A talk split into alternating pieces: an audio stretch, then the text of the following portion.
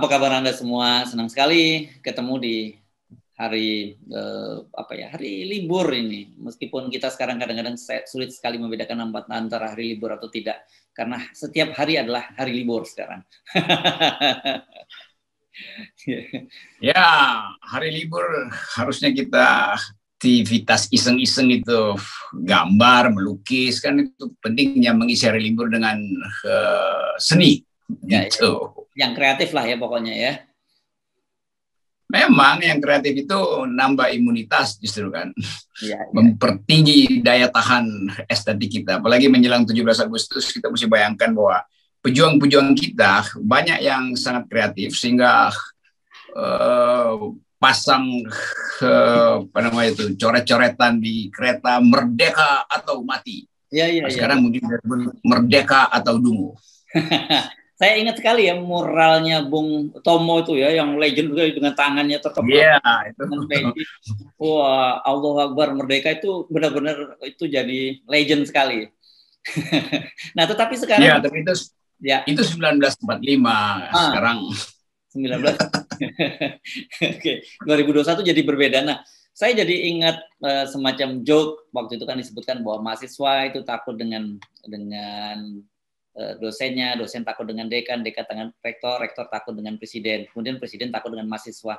Sekarang enggak, presiden takutnya dengan mural gitu, Bung Karena gara-gara mural di Tangerang itu saya nggak tahu di Karawaci atau di mana tepatnya itu dihapus, terus sekarang malah jadi trending. Harusnya kalau kemarin orang diem-diem aja nggak ribut-ribut orang nggak tahu ada mural semacam itu. Tapi gara-gara rea overreaktif ya dari aparat di level bawah jadinya malah trending itu mural ini soal yang berulang terus seolah-olah orang nggak boleh memparodikan uh, presiden kan prinsipnya dari dulu presiden itu adalah sosok yang dipilih oleh rakyat jadi ada perjanjian antara rakyat dan presiden. Apa janjinya? Ya kampanye presiden itu yang jadikan uh, ditagi oleh rakyat. Nah kalau presiden nyimpang-nyimpang dikit ya diledek dikit oleh rakyat. Kalau nyimpang banyak diledek banyak oleh rakyat. Kan itu namanya uh, kenikmatan berdemokrasi. Ini cuma ledekan-ledekan kecil. Kalau ledekan gede namanya makar. Tapi kan orang bikin mural yang udah pernah kita bahas bahwa itu ekspresi aja. Jadi kalau presiden dan aparat apalagi terlalu tegang, lalu nanti diburu bahwa di semua laptop mahasiswa itu pasti ada mural not found. Karena dia mau buka situs-situs yang mungkin situs pornografi juga kan dilarang. Jadi di, dicegah oleh uh, Kemeninfo kan statusnya ditutup. Jadi kalau keluar not found itu artinya mungkin itu situs teroris atau itu situs pornografi. Nah kalau uh, Presiden Jokowi not found, apakah dia teroris atau dia uh, pornografi wajahnya? Kan itu sulitnya. Nanti analisanya jadi panjang itu. ya makanya sebenarnya kan sudah kita bahas kemarin dan kita tidak menduga bahwa kasus itu justru jadi sangat viral, justru malah rame di di media. Dan kalau saya jadi Pak Jokowi atau jadi orang istana, saya tegur itu uh, lurah, polisi sama satpol pp yang menghapus mural itu gara-gara mereka itu justru malah heboh kan begitu. Ini ajaibnya nih. Kalau kita memuji presiden, muralnya nggak bakal dihapus. Kalau uh, ngeledek justru dihapus. Padahal dua-duanya statusnya adalah ekspresi, ekspresi pujian dan ekspresi kritik. Itu itu sama aja, itu statusnya sama tuh. Itu kritik. Nah, sering kali orang lupa bahwa presiden itu bukan raja. Memang dulu ada prinsip uh, apa namanya itu, the king can do no wrong itu uh, sovereignty immunity yang kemudian bahkan dipakai dalam uh, hukum perdagangan dalam uh, hukum perdata bahwa raja itu tidak boleh dihina karena raja mewakili Tuhan, mewakili rakyat dan mewakili dirinya sendiri. Jadi dulu disebut raja tidak mungkin bersalah karena itu nggak boleh dikritik karena dia sekaligus menyatu antara dirinya, rakyatnya dan uh, Tuhan. Raja selalu anggap dia dapat mahkota dari Tuhan. Raja selalu anggap bahwa dia adalah pemimpin dari rakyat. Raja selalu anggap bahwa dirinya itu adalah negara itu, letas semua itu. Itu dulu, itu 300 tahun lalu. Kemudian itu dibatalkan oleh demokrasi bahwa raja bisa diganti karena itu bisa dikritik karena itu prinsip uh, the king can do no wrong itu nggak berlaku lagi. Nah Pak polisi kadang-kala nggak belajar itu, baser-baser nggak tahu peristiwa bahwa kita bukan kerajaan, kita berubah jadi republik, maka nggak ada lagi prinsip the king can do no wrong karena dia dipilih. Jadi diolok ya boleh aja diolok disayang-sayang boleh aja disayang-sayang. Ini itu ekspresi ekspresi seni apalagi mural. Mural itu adalah hak manusia untuk menghasilkan kreativitas. Itu itu intinya sebetulnya. Ya, dan Anda benar tadi karena alasannya ini uh, katanya mengganggu keindahan lingkungan. Jadi artinya one day kalau ada uh, mural yang sama uh, pujian terhadap Pak Jokowi, uh, lurah bisa dituntut dong oleh warganya. Pak ini juga mengganggu keindahan gitu. Ya konsekuensinya begitu nanti bahwa semua baliho yang muji-muji Pak Jokowi juga itu mengganggu keindahan kan? Ya, ya. keindahan siapa ya? Keindahan orang yang merasa ah nggak ada prestasinya kok jadi mestinya dibiarkan dua-duanya orang memuji orang uh, mengolok-olok itu sama-sama adalah ekspresi keindahan itu kan Misalnya orang lihat mural yang uh, lukisan yang kemudian jadi mural gede yang dibuat oleh uh, Picasso, Pablo Picasso itu Le Guardian waktu Spanyol mengalami penderitaan akibat perang. Lalu mural itu memang mengerikan mural itu. Tapi dia ada di di museum-museum dunia dipindah-pindahin untuk ditonton orang bahkan uh, fotokopiannya itu beredar di mana-mana. Jadi sebaiknya dibiarin aja kan saya mungkin lebih senang kalau uh, mural Pak Jokowi yang not found itu dipasang di uh, kaos anak-anak muda sehingga orang bertanya-tanya ini apa artinya not found? Jadi jadi bahan pembelajaran itu. Mungkin not found karena sering kali uh, Pak Jokowi uh, arah pikirannya nggak bisa ditemukan kan? Apa maksudnya gitu? Karena sering uh, yang dia ucapkan beda dengan yang akhirnya uh, berlaku di publik. Maka orang anggap not found. The brain of president uh, yang not found adalah akal presiden. Kan biasa saja itu. Yeah, yeah. itu hal yang sebetulnya lucu justru kan ini nggak menghina Jokowi ini kan uh, Pak Jokowi tentu adalah orang baik itu sering saya katakan Jokowi adalah uh, kepala keluarga yang baik tapi kepala negara yang buruk hmm. Masa saya diomelin itu karena itu? Karena saya punya alasan untuk mengatakan beliau kepala negara yang buruk, tapi dia kepala negara yang baik. Ada orang yang menganggap dia adalah kepala negara yang baik. Ya silahkan, saya nggak protes juga kan. Itu, jadi ekspresi manusia itu jangan dihalangi oleh semacam uh, kecurigaan jangka pendek. Ya, saya sekali ini uh, terpaksa sepakat dengan Anda ini soal bahwa Pak Jokowi itu ada kepala keluarga yang baik, Bung Rocky. Karena kalau nggak kurang baik apa gitu menantunya aja dijadikan wali kota di Medan, kemudian anaknya jadi wali kota di Solo, ya pastilah itu istilah apa eh, pernyataan Anda tadi itu benar adanya lah gitu. Ya, tapi jangan jangan dimuralkan itu ya, nanti dihapus lagi.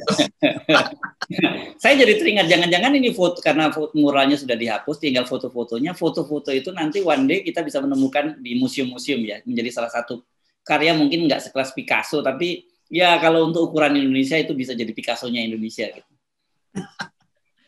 Kan nanti satu waktu Presiden Jokowi udah lengser gitu kan Lalu orang mau cari keterangan apa peristiwa-peristiwa setahun sebelum beliau lengser. Karena mau jadi bahan studi kan. Nah ini adalah bagian dari kebudayaan. Orang melihat hubungan antara seni dan politik. Lalu orang temukan mural Pak Jokowi itu. Di mana? Ya di internet.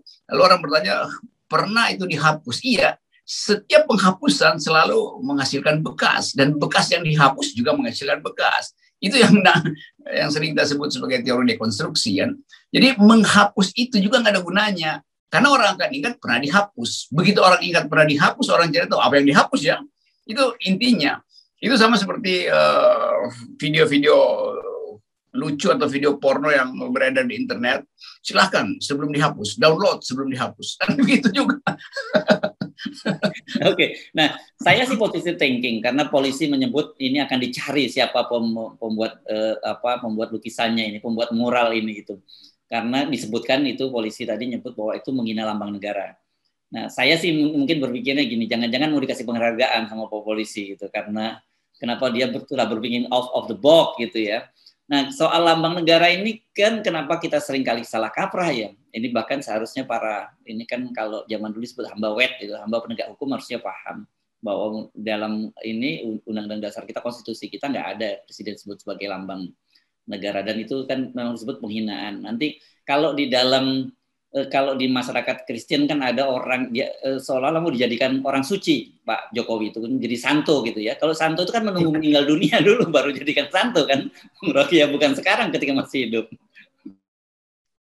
Ya itu kan istilah lambang negara kan sesuatu yang uh, diputuskan oleh undang-undang lain kalau ada Pak Presiden bikin perpu sendiri bahwa dirinya adalah lambang negara, itu mungkin. kan, kan itu juga ngaco kan. Jadi hal yang sudah diatur di konstitusi, kok usah ditafsirkan macam-macam lah. Bahwa lambang negara itu adalah Garuda Pancasila yang nengoknya ke kanan, di bawahnya ada tulisan Bhinneka Tunggal Ika. Kan itu kan. Ada Garuda Pancasila nengok ke kanan tulisannya uh, revolusi mental. Nah, itu bukan lambang negara tuh. Jadi begitu-begituan kan. Ada Garuda Pancasila nengok ke kanan, warna merah, eh, polos, itu bukan lambang negara, itu lambang Gerindra tuh. Jadi nggak mungkin kita kita putuskan sesuatu kalau itu tidak ada dasarnya di konstitusi. Kan itu intinya. Tuh. Jadi hal yang simpel yang mestinya aparat mengerti. Ini artinya perlu uh, pendidikan wawasan kebangsaan juga nih, buzzer maupun uh, aparatnya. Kan aparat bertindak berlebihkan itu. Saya Ya, saya bisa maafkan. Nah, bukan, uh, bukan hanya para Bu Rocky. Kemarin eh, Rektorat ya. UI juga begitu. Rektorat UI juga mempersoalkan meme yang uh, sebagai King of Lip Service juga alasannya karena menghina lambang negara juga, makanya minta diturunkan juga itu. Kalau Rektorat UI saya sudah tahu itu dungu memang karena nggak kotanya terbalik baca nggak komentar-komentar lagi itu. Satu Rektorat UI itu jadi penjilat gitu, sehingga dia nggak ngerti bahwa fungsi universitas artinya menerangkan maksud dari uh, produk budaya justru itu. Jadi terlihat lagi bahwa satu paket dengan uh, aparat mungkin mengambil inisiatif karena merasa ada ketegangan sosial. Jadi ini intinya kalau kita bikin analisa lebih dalam lagi, memang ini bukti bahwa ada ketegangan sosial. Kalau nggak ada ketegangan sosial, mural semacam itu biasa aja. Satu waktu misalnya eh, Pak Jokowi lewat di situ, mungkin dia senyum-senyum. Tapi karena dia sendiri tegang, dia merasa wah ini bisa dipercepat nih end game dengan mural itu. Maka dia secara simbolis memberitahu mungkin Pak Mahfud MD itu kok ada mural saya di situ ya. Mahfud tafsirin lagi bahwa wah itu berarti kejahatan. Maka Mahfud bikin konversi pers diam-diam, maaf aparat bereaksi. Saya berpikirnya begitu ya. Ini pikiran konspiratif aja. Ya. Saya yang berpikir konspiratif. Ya. Atau sebenarnya gini, saya baru jadi tiba-tiba teringat karena ada bicara begitu. Kemarin kan Pak Jokowi juga bagi-bagi sembako di Grogol itu mungkin Pak Jokowi menjawab, saya, saya mau bilang saya not fun, not fun. Saya di sini kok di Grogol bagi-bagi sembako kan gitu. Tapi itu artinya Pak Jokowi menyebarkan uh, virus baru kan. Jadi dia akhirnya disebut dia not found, uh, tapi dia uh, terbukti begitu angka DKI menonjol, maka kita mesti bilang itu akibat Pak Jokowi. Nanti orang marah lagi kan. Lo kalau Habib Rizik dianggap akibat Habib Rizik, kalau Pak Jokowi dianggap siapa itu? Kan dua-duanya mengumpulkan kerumunan. Jadi bagian-bagian ini yang kita parodikan itu. Kan uh, Anies Baswedan mestinya udah suruh polisi tangkap orang yang menyebabkan kerumunan di uh, Grogol. Uh, cuma disebut tangkap orang yang menyebar menyebabkan kerumunan. Kan nggak disebut Pak Presiden kan. Nanti polisi yang bergerak, oh ternyata yang menyebabkan kerumunan itu setelah dicari-cari adalah orang yang namanya Jokowi. Siapa dia? Ya warga negara Indonesia yang berkedudukan di Jakarta melanggar uh, uh, hukum uh, COVID di Jakarta sama aja. Jadi polisi jangan cari aja penyebar mural, cari juga penyebar uh, sembako di Grogol, kan sama. Tapi saya berdoa mudah-mudahan tidak muncul klaster uh, uh, Grogol. Grogol. Ya, karena saya membayangkan betapa akan kesulitan nanti aparat mulai dari kepolisian, jaksa maupun hakim gitu kalau kemudian muncul kasus Grogol. Bagaimana? Karena kan uh, orang akan kembali menuntut kamu kali equality before the law. Bagaimana juga yes. Kena, dia juga harus kena gitu. Mudah-mudahan nggak terjadi itu, Bung Rocky. Kalau saya ingin terjadi itu supaya dibuktikan bahwa Anies tidak bekerja. Ternyata eh, COVID tambah di Jakarta. Nah, baru dilakukan penelitian. Apa penyebab COVID tambah di Jakarta? Oh, ternyata klaster grogol. Siapa pelaku penyebaran COVID di klaster grogol? Nah, udah, sera-sera nah, tapi satu hal yang saya kira eh, penting kita cermati ya, mengapa kemudian saya tadi menyebutnya presiden terkesan takut dengan bayangan sendiri gitu ya, dengan mural-mural hmm. ini biasa kalau negara demokrasi biasa kan pernah kita juga singgung bagaimana di Amerika zamannya Trump ini Biden ini belum aja nih zamannya Trump. Dulu kita bisa lihat itu ada boneka-boneka Trump di di tempat-tempat umum yang iya. dipakai untuk sansak hidup itu tinju-tinju. Dan ada juga mural yang ini nah mural ini muralnya uh, Trump. Ya biasa saja. Kita nggak pernah dengar ada orang di Amerika yang dipersoalkan karena meninju uh, bonekanya Trump. Biasanya uh, atau buat mural Trump biasanya Trump malah ngeledek balik itu di Twitter. Dan sering bener kan tweet war itu dengan para pengecamnya uh, Trump. Ya begitu, saya bayangkan juga Pak Jokowi sewa aja kan orang justru untuk naikin popularitasnya tuh. Bahwa itu Pak Jokowi minta itu kok uh, uh, mata saya ditutup. Bukan dong supaya kelihatan bahwa itu Jokowi itu. Kan begitu sebetulnya kan. Uh, not found memang taruh di jidat aja karena yang yang uh, not found adalah otaknya tuh. Kalau matanya kan uh, terlihat. Kira-kira begitu diskusinya kan. Jadi Pak Jokowi mungkin juga bisa jadi uh, budayawan uh, radikal kalau dia mau memparodikan diri sendiri dalam upaya untuk memberi pemahaman bahwa dia tidak tersinggung. Kan itu intinya tuh. Mural itu kan ekspresi dari keadaan yang dibikin uh, menonjol karena grafitinya tuh. Kalau cuma digambar lukisan biasa Pak Jokowi lagi pegang bendera merah putih, ya apa apa apa isi apa pesannya tuh dengan sendirinya Pak Jokowi pegang merah putih. Tapi kalau Pak Jokowi ditaruh di situ not found itu menimbulkan kuriositas sehingga anak-anak SD juga mulai belajar apa sih artinya not found.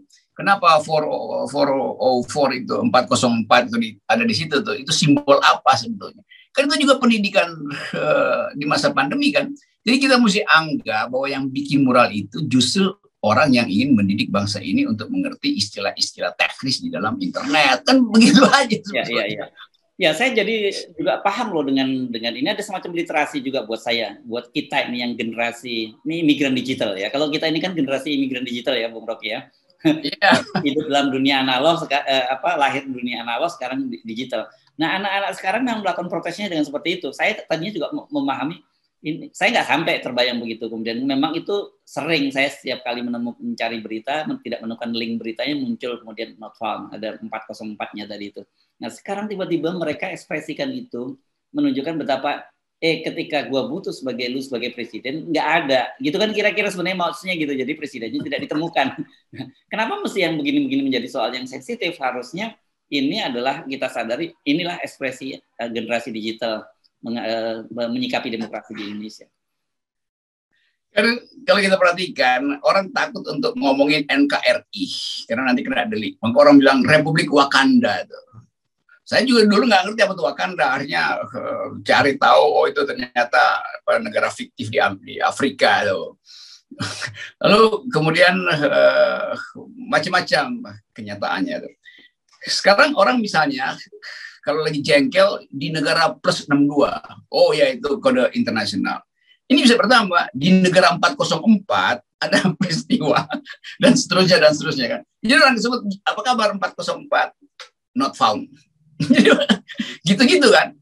Jadi ini cuma angka yang kemudian akan membekas di dalam angka ini artinya jadi angka politis nanti kan. Yang tadinya adalah angka mistik untuk memperlihatkan bahwa 404 itu artinya suatu keadaan di mana ternyata tidak ada itu. Sekarang 404 jadi angka politis bersaing dengan angka lain 212 itu. Nah, tapi BTW saya jadi khawatir nih melihat keadaan Indonesia ini Bung Rocky. Kan kalau kita selalu menyamakan soal negeri Wakanda di Afrika. Jangan-jangan karena realitas eh, kita yang semacam ini tiba-tiba nanti kita eh, mendapati anak-anak generasi digital di Afrika setiap kali dia eh, mengkritik pemerintahnya akan menyebutkan bahwa di Republik Indonesia kan gitu. Jadi, oh ini bukan di Afrika, ini terjadi di Indonesia. Gitu. Kan sedih juga kalau sampai terjadi semacam itu. Itu itu itu namanya globalisasi satira kan. Jadi nanti uh, ini kita harinya jadi ngaco nih, tapi oke okay lah. Saya bayangkan nanti menjelang uh, pemilu nanti atau pemilu yang dipercepat hanya ada dua partai yang bersaing itu partai 404 dan partai 212. Nah itu Jadi, poin kita biarkan kemerdekaan berpikir itu dihasilkan melalui mural, melalui hmm. posisi, melalui tulisan, melalui YouTube. karena itu yang menyebabkan kita bisa bergembira di dalam keadaan pandemi. Ya. Jadi sekali lagi uh, Pak Polisi, baser-baser udahlah anggap aja ini adalah pelajaran uh, edukasi di masa pandemi sehingga orang berupaya untuk membuat simbolisasi-simbolisasi. Ya. Baru sekarang orang mengerti. Mama juga uh, akhirnya WA WA saya nih. Itu 404 apa artinya itu not ya, found. Ya, ya, ya.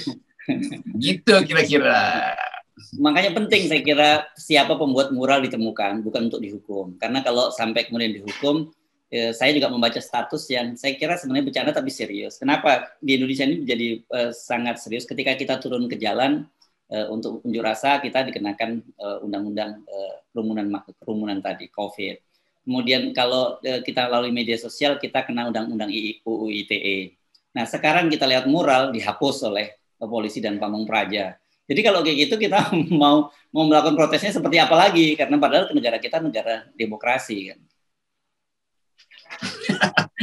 Saya lagi nyari nomor telepon baru nih 404212 ada enggak ya? Oke, okay. kalau ada viewer yang punya mungkin bisa segera di kita ya dikirim ke eh, apa Instagramnya Bung Rocky Gerong ini nomor penting sekarang. Nomor cantik, nomor cantik. nomor cantik itu empat empat empat dua satu dua. Ya. Ini jadi kita kita kembali lagi pada kita lagi uh, berupaya untuk uh, mempersiapkan diri merayakan Indonesia Raya tuh hari kemerdekaan tuh. Dan dalam keadaan itu seluruh aktivitas politik seharusnya uh, dikunci dulu lah supaya kita betul-betul fokus pada kebangsaan kita tuh. Nah ini membutuhkan satu pendinginan suasana. Nanti setelah 17 Agustus mulai lagi deh ledek-ledekan politik. Karena kita selama ini dihilangkan kepercayaan dari bangsa ini masih eksis. Apalagi kita baca berita dunia, dianggap Indonesia itu udah nggak eksis. Jadi kita tunjukkan pada dunia bahwa kita eksis, rakyatnya eksis, kendati pemerintahnya uh, mengalami masalah atau rakyat kita sehat, negara kita sehat, pemerintahnya yang sakit sebetulnya. Itu pesan penting supaya kita tidak eh, kan ada kecenderungan sekarang orang tidak punya gairah lagi untuk menaikkan bendera merah putih itu. Orang lebih bergairah menaikkan bendera putih. Tapi seperti sinyal FNN dan logo FNN merah itu artinya berani untuk mengembalikan kejayaan Indonesia. Mantap. Wow. Ya, ya, ya, ya. Nah, saya jadi teringat juga sebuah mural yang juga sudah dihapus, katanya itu di di Bangil ya di dari Jawa Timur. Saya tidak tahu apakah, apakah lokasinya betul karena tidak jadi nggak viral seperti ini. Kita ini situasinya sekarang dipaksa sehat di negeri yang sakit. Nah, mural itu juga dihapus oleh oleh apa? Iya. Yeah. yeah. Oke, okay, baik. Terima kasih, Bu Noki. Yes, hidup 404, hidup 212. Eh, itu maksudnya nomor yang saya cari 404212. Mantap. Mantap.